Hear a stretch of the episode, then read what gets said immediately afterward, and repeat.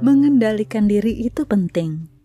Mau sekacau apa pun hati, kita perlu mengendalikan yang nampak di permukaan. Bukannya bermaksud munafik, namun tak semua orang perlu ikut merasakan kegelisahan kita pada seseorang atau sesuatu. Sebab itu bisa merusak suasana yang sebelumnya damai menjadi gusar akibat reaksi yang kita keluarkan. Hadapi permasalahan cukup dengan siapa kita perlu berurusan. Tak perlu melibatkan semua orang.